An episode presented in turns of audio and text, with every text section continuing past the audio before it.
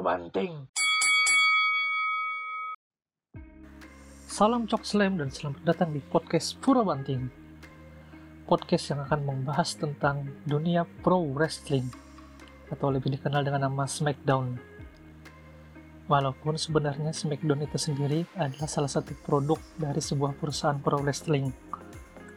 Nah, ngomong-ngomong soal promosi atau perusahaan pro wrestling, sebenarnya ada banyak perusahaan pro wrestling di luar sana.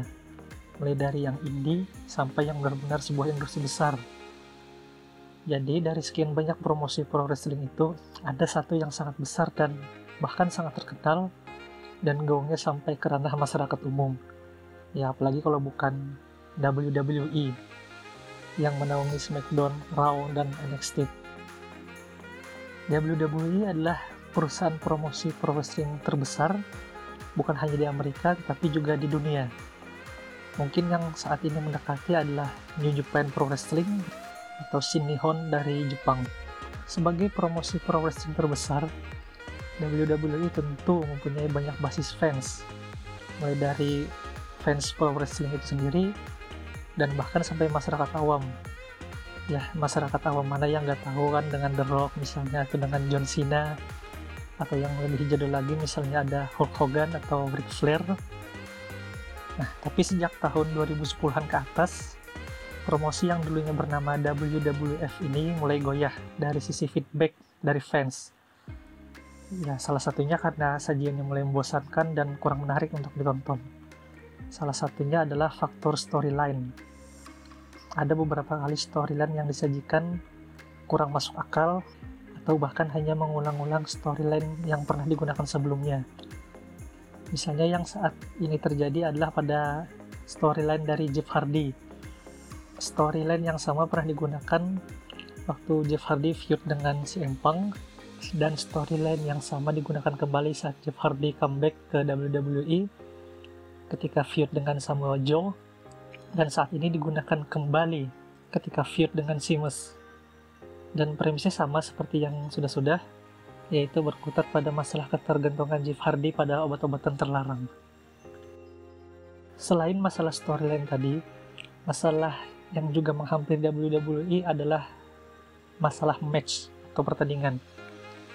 Ada banyak moves atau gerakan yang di-ban di WWE karena sekarang mereka menggunakan rating PG atau parental guide sehingga gerakan-gerakan yang dianggap terlalu berbahaya atau terlalu kasar akhirnya dihentikan penggunaannya. Nah, karena beberapa faktor tadi, akhirnya sebagian dari fans pro wrestling pun mulai mencari alternatif tontonan selain dari WWE. Sesuai dengan judul podcast kali ini, maka episode kali ini akan sedikit mengulik promosi pro wrestling lain di Amerika selain WWE. Dan yang dibahas mungkin yang populer saja, ya setidaknya populer di kalangan fans pro wrestling lah. Dan mungkin bisa menjadi alternatif tontonan selain dari WWE promosi-promosi ini sebenarnya cukup menarik dari sisi storyline maupun pertandingan yang disajikan. Hanya saja memang kurang mendapat exposure sekuat WWE. Ya mungkin saja karena demand yang kurang, atau mungkin promosi mereka sendiri yang tidak sekuat WWE yang memang sudah bertahan sejak lama. Oke, langsung saja. Berikut adalah listnya. Tempat membanting di Amerika selain WWE ya gak semua promosi dimasukin cuma beberapa aja yang dirasa cukup populer. Ya sekali lagi populer di kalangan fans pro wrestling.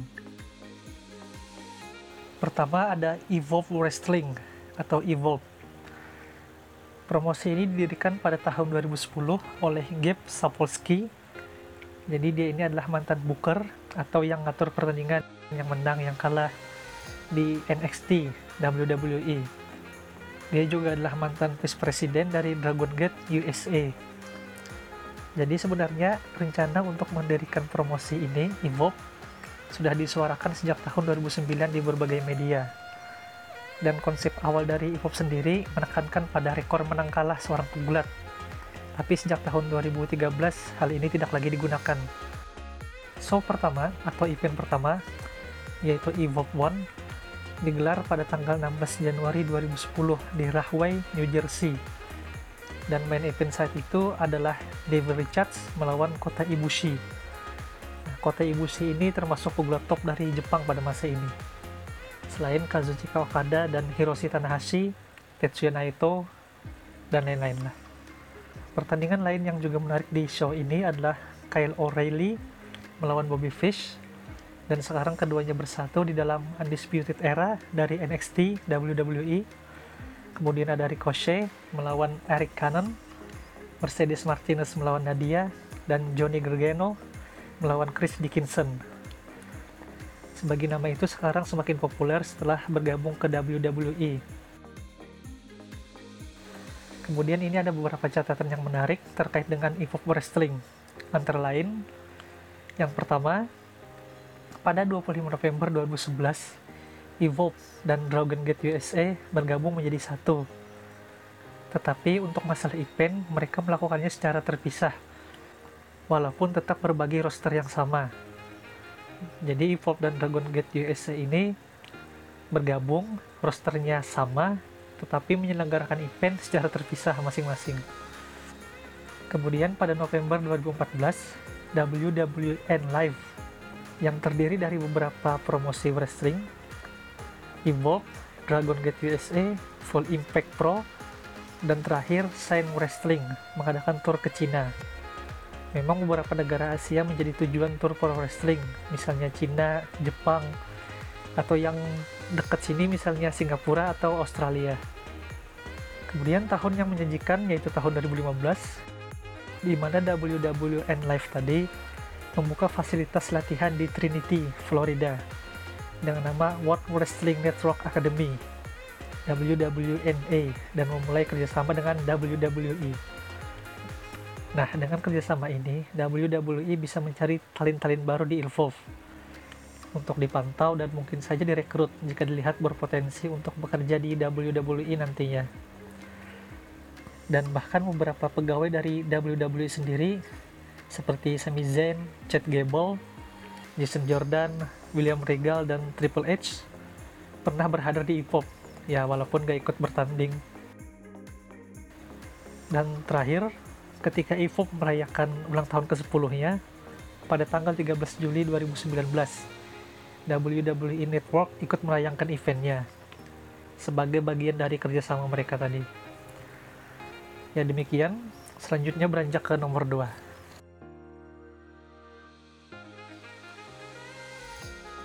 Di nomor 2 ada Pro Wrestling Guerrilla atau PWG. Jadi promosi ini mempunyai basis di Southern California. Promosi ini dimiliki dan dijalankan oleh para pegulat Nah, jadi oleh dan para pegulat macam sistem demokrasi gitulah. Jadi para pendirinya ini adalah Disco Machine, Excalibur, Scott Loss, Joy Ryan, Super Dragon, dan Top Gun Talwar. Banyak ya ternyata ya. Nah, tapi kemudian Disco Machine, Top Gun Talwar, dan Scott Loss akhirnya pensiun dan keluar dari PWG dan di sisi lain, sejak tahun 2007, Excalibur pun pindah haluan menjadi komentator untuk pertandingan pro wrestling. Untuk fans pro wrestling yang agak jenuh, sekedar mencari hiburan, atau yang mencari pertandingan pro wrestling dengan unsur komedi, maka PWG ini bisa ditonton sebagai penyegar suasana. Pertandingan yang disajikan tetap bagus dan menarik, dibumbui dengan adanya unsur komedi, ya walaupun beberapa jenis komedinya agak dewasa, tapi, walaupun pertunjukannya berbumbu komedi dan berkesan tidak serius, di tahun pertamanya, PWG berhasil mendapatkan Promotion of the Year dari Sokal Uncensored, dan pada tahun 2016, Dave Meltzer dari Wrestling Observer Newsletter menjuluki PWG dengan The Best Wrestling in North America. Setidaknya ini menjadi bukti bahwa PWG memang menghadirkan match dengan kualitas yang bagus walaupun dengan bumbu komedi. Untuk pertandingan-pertandingan sendiri agak susah dicari di platform macam YouTube karena mereka menjualnya lewat DVD atau Blu-ray dan kemungkinan demandnya agak terlalu tinggi, jadi bacakannya agak banyak menyebar. Nah, untuk masalah pertunjukan, untuk pertunjukan pertama PWG sendiri digelar pada tanggal 26 Juli 2003 di California yang jadi main event saat itu adalah AJ Styles melawan Frankie Kazarian.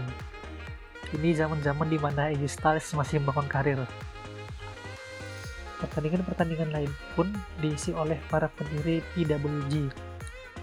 Dari tag team, ada Charles Mercury, Sarah Del Rey, dan Superbad melawan Ryan Drago, Top Gun Talwar, dan Zokre. Kemudian di single match ada Chris Boss melawan Excalibur. Dan satu lagi ada Matt Cross melawan Super Dragon. Ya, dan lain-lain lah pokoknya. Sebagai promosi indie, PWG juga menjalin kerjasama dengan promosi lain seperti Total Nonstop Action Wrestling atau TNA yang berakhir pada tanggal 3 Mei 2007. Tetapi pada Desember 2015 mulai kerjasama baru dengan Ring of Honor atau Raw. Salah satu pertunjukan Legend terjadi pada tahun 2004, di mana waktu itu PWG pindah ke Los Angeles. Beberapa pegulat yang dihadirkan PWG di show pertamanya menjadi bintang besar saat ini. Misalnya ada AJ Styles, CM Punk, Samoa Joe, dan Daniel Bryan. Nah, jadi intinya kalau ingin menonton pertunjukan pro wrestling yang keren, tapi gak serius-serius amat dengan bumbu komedi, maka PWG cocok untuk jadi solusi. Ya, sambil lihat-lihat calon bintang besar di masa depan lah. Selanjutnya ada Impact Wrestling yang didirikan di Nashville, Tennessee oleh Jeff Jarrett dan Jerry Jarrett pada tahun 2002. Konsep dari TNA dibuat tak lama setelah World Championship Wrestling atau WCW tutup tirai pada tahun 2001. Untuk cerita berdirinya agak unik nih. Jadi obrolan awal TNA ini bermula saat Bob Ryder, Jeff Jarrett, dan Jerry Jarrett dalam perjalanan untuk mancing dan konser mereka saat itu adalah bisnis dari pro wrestling. Saat itu tayangan pro wrestling yang tersisa di televisi hanyalah WWE, yang saat itu namanya masih WWF. Ya kalau sekarang WWF ya yang logonya panda itu.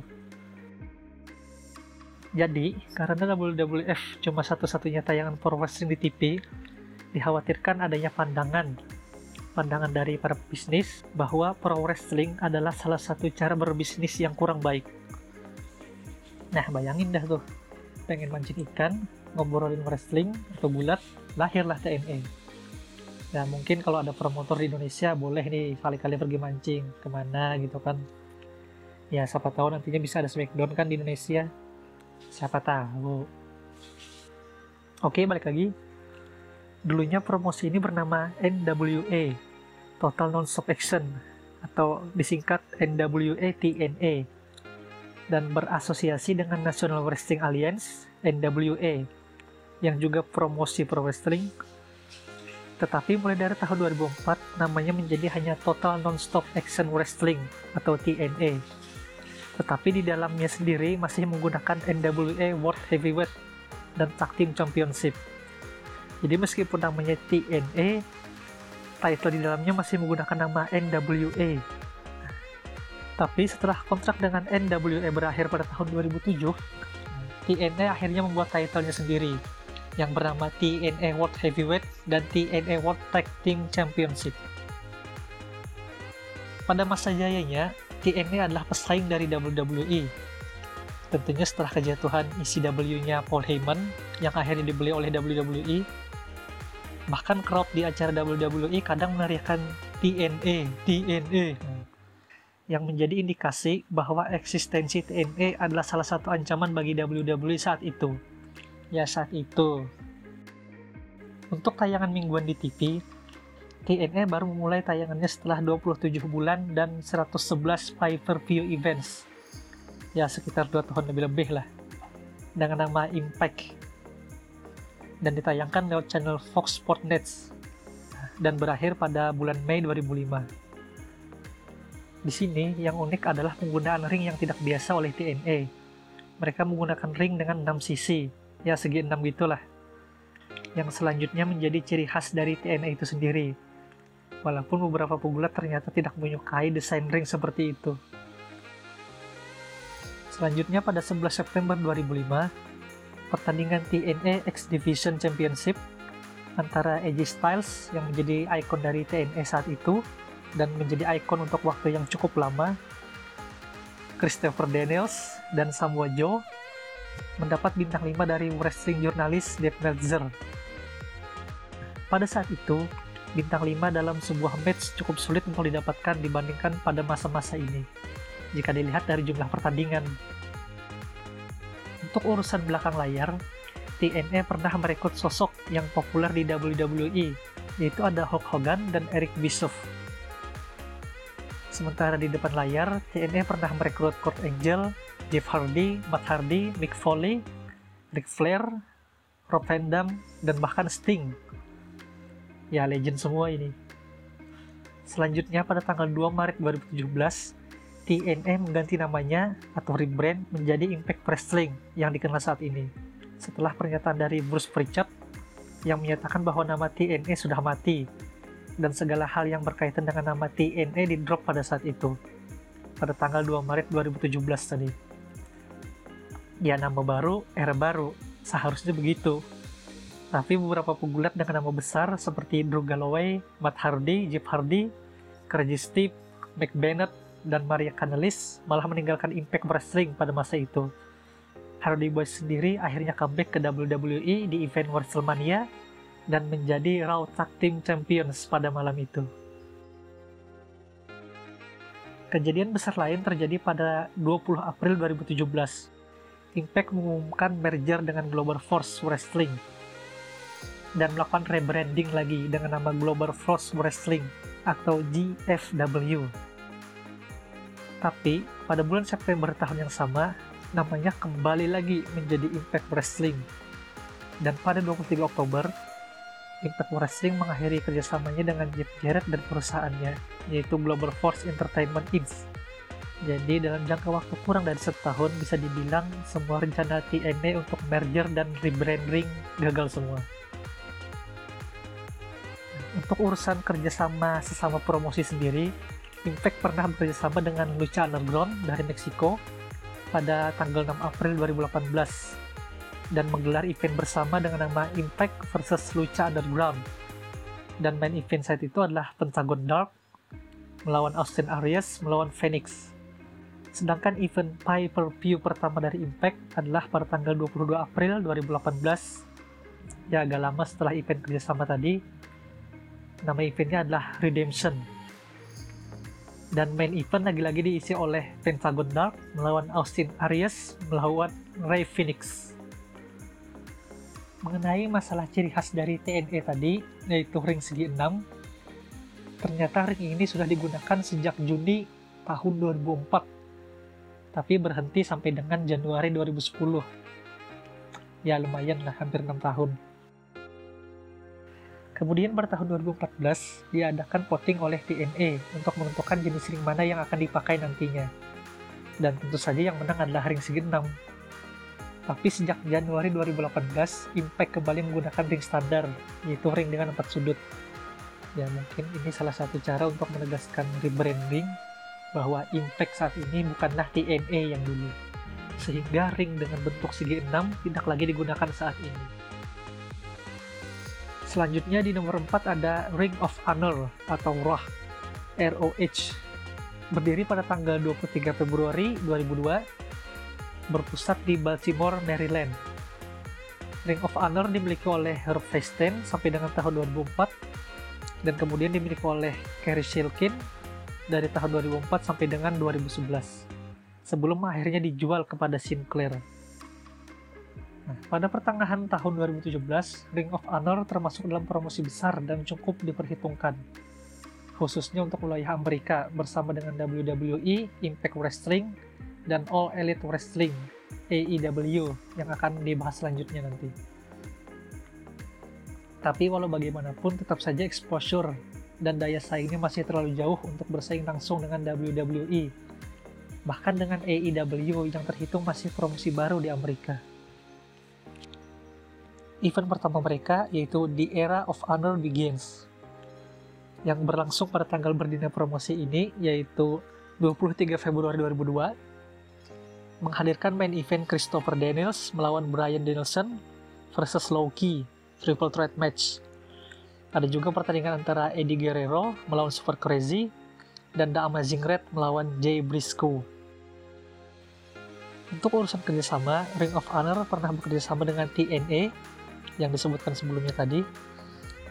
Tetapi pada tahun 2004, TNA mengakhiri kerjasamanya untuk sharing talent dengan Ring of Honor setelah adanya skandal dalam tubuh Ring of Honor yang melibatkan Rob Feinstein. Nah, jadi sebenarnya TNA dan Ring of Honor pernah berbagi talent yang sama. Kerjasama lain yang pernah dilakukan Ring of Honor terjadi pada tanggal 16 Juli 2007 saat mereka melakukan tur ke Jepang. Bekerja sama dengan Pro Wrestling Noah, mereka mengadakan show dengan tajuk Live in Tokyo. Dan pada keesokan harinya, Live in Osaka bekerja sama dengan Dragon Gate pada tanggal 17 Juli 2007.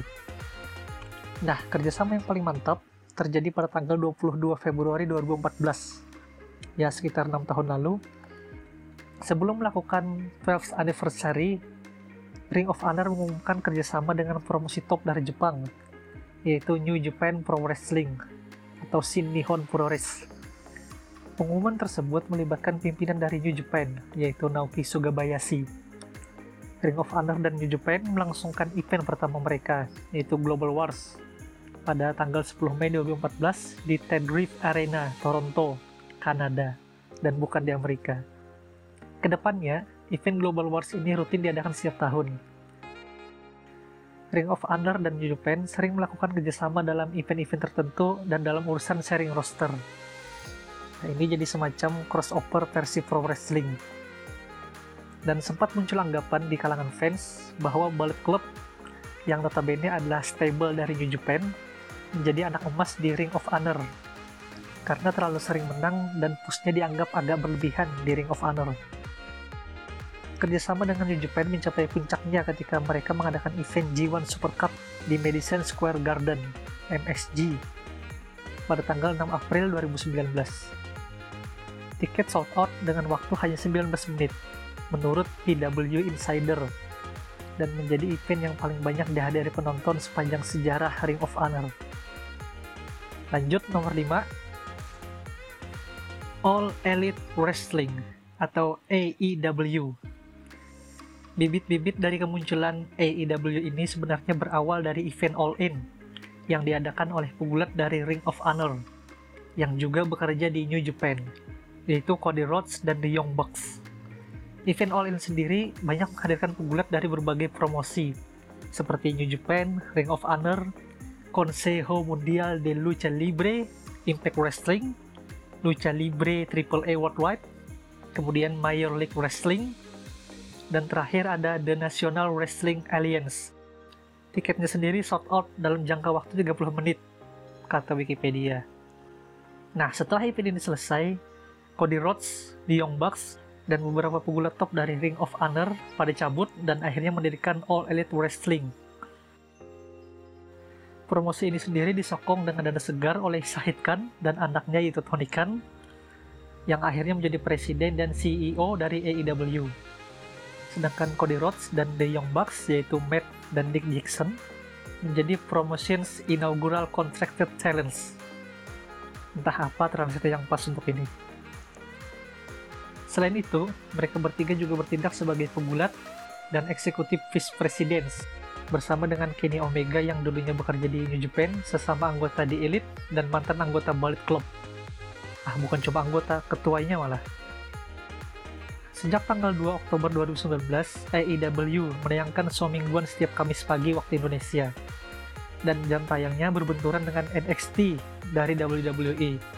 Dan hal ini dikenal di kalangan fans pro wrestling dengan sebutan Wednesday Night Wars. Perang malam Kamis. Untuk urusan roster atau pegulat, AEW menghadirkan banyak talent yang sudah dikenal di dunia pro wrestling, Selain ada Chris Jericho, John Moxley, dan Matt Hardy yang pernah menjadi pegulat top dari WWE, ada juga Adam Page, Orange Cassidy, pegulat paling cool sejagat pro wrestling, kemudian Lucha Brothers yang cukup fenomenal di Meksiko, kemudian dari sisi wanita ada Bea Priestley yang juga bekerja di Stardom, Jepang, Selain itu ada Dr. Britt Baker yang benar dokter dan Women's Champion saat rekaman ini dibuat, yaitu Hikaru Shida, dan lain-lain, dan lain-lain. Bagi yang merindukan pro wrestling yang entertain dengan moves yang lebih variatif dan match yang lebih keras, AEW bisa menjadi gerbang awal untuk masuk ke sana.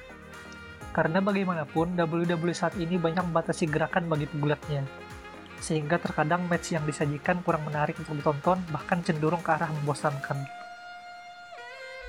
Sebagai promosi yang baru berdiri, langkah AEW bisa dibilang cukup cepat, karena selain tayangan mingguan yang rutin dihadirkan, AEW juga telah menyajikan beberapa event pay-per-view seperti Double or Nothing, All Out, Full Gear, dan Revolution yang tentunya mendapatkan review bagus dari para fans maupun dari para jurnalis. Ya, itulah tadi 5 promosi yang dapat menjadi alternatif selain dari WWE.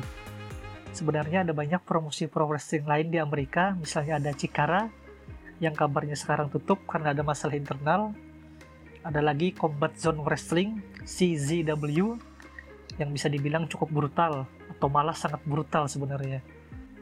Kemudian ada Major League Wrestling MLW dan National Wrestling Alliance NWA. Ya, tapi berat juga kalau dibahas semuanya.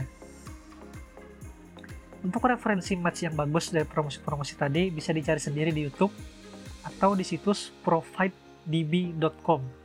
P R O F I G H T D B.com untuk yang peduli pada rating match yang disajikan. Normalnya adalah bintang 0 dan paling tinggi adalah bintang 5.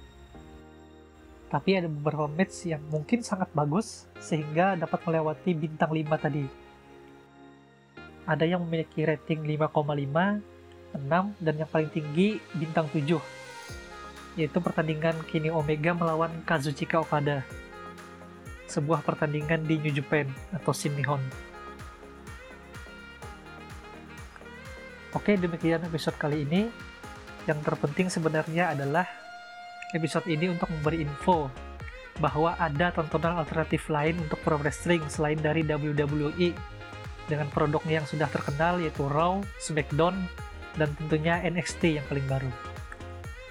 Oke, sudah. Jadi demikian untuk episode kali ini. Terima kasih kepada semua yang telah mendengarkan. Sampai jumpa di episode-episode selanjutnya kalau ada. Dan salam Cok Slim.